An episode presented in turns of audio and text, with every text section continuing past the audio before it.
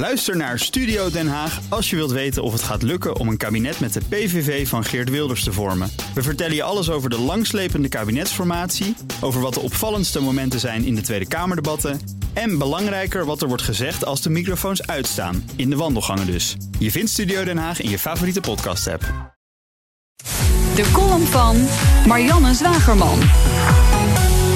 Na de grimmige jaren 80 deed iemand het licht aan en toen waren daar ineens de jaren 90. Het decennium van vrijheid, zelfvertrouwen, nieuwsgierigheid, optimisme en een groot geloof in de toekomst.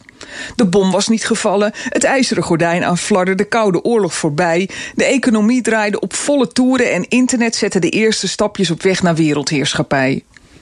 Nou geef ik eerlijk toe dat er dagen voorbij gaan dat ik niet aan de jaren 90 denk. Ik kijk liever in de vooruitkijkspiegel. Tot ik deze week in de Groene Amsterdammer op het essay De Betere Wereld van Toen stuitte. Een lofzang op de jaren 90, waarin ingeklemd tussen de val van de Berlijnse muur en de toen nog niet te vermoeden ineenstorting van de Twin Towers, West-Europa transformeerde in een baken van tolerantie en openheid, waar kunst en vrijheid zinderden. Het verlangen om de wereld te vernieuwen was groot en het tempo lag hoog. Lees dat stuk en je verlangt bijna terug naar die tijd vol energie, levenslust en experimenten. En het mooie is, dat is niet weg. We hoeven het wiel niet opnieuw uit te vinden, zeggen de auteurs. Want wij zijn er nog. De mensen die jong waren in de jaren negentig. Wij, optimistische veertigers, die de energie van toen nog in ons dragen.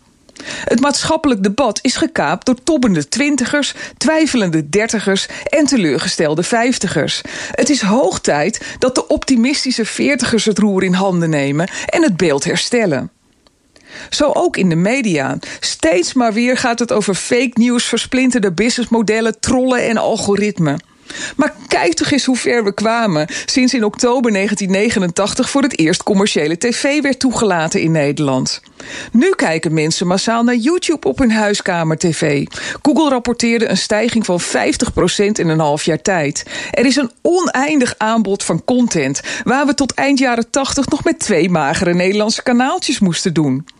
Voor een tientje per maand heb je alle muziek van de wereld in je oren. Bedrijven worden zelf tv-zenders, zoals PSV, dat tv maakte in vier talen op acht kanalen om fans wereldwijd te laten meegenieten van het landskampioenschap.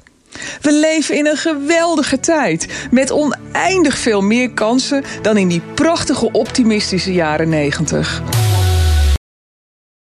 Ook Liesbeth Staats vind je in de BNR-app. Ja, heel handig. Luister live naar Kees en mij tijdens de Daily Move. Dan blijf je ook gelijk op de hoogte van breaking news en het laatste zakelijke nieuws. En daar vind je ook alle BNR-podcasts, waaronder de Perestrooikast. Download nu de gratis BNR-app en blijf scherp.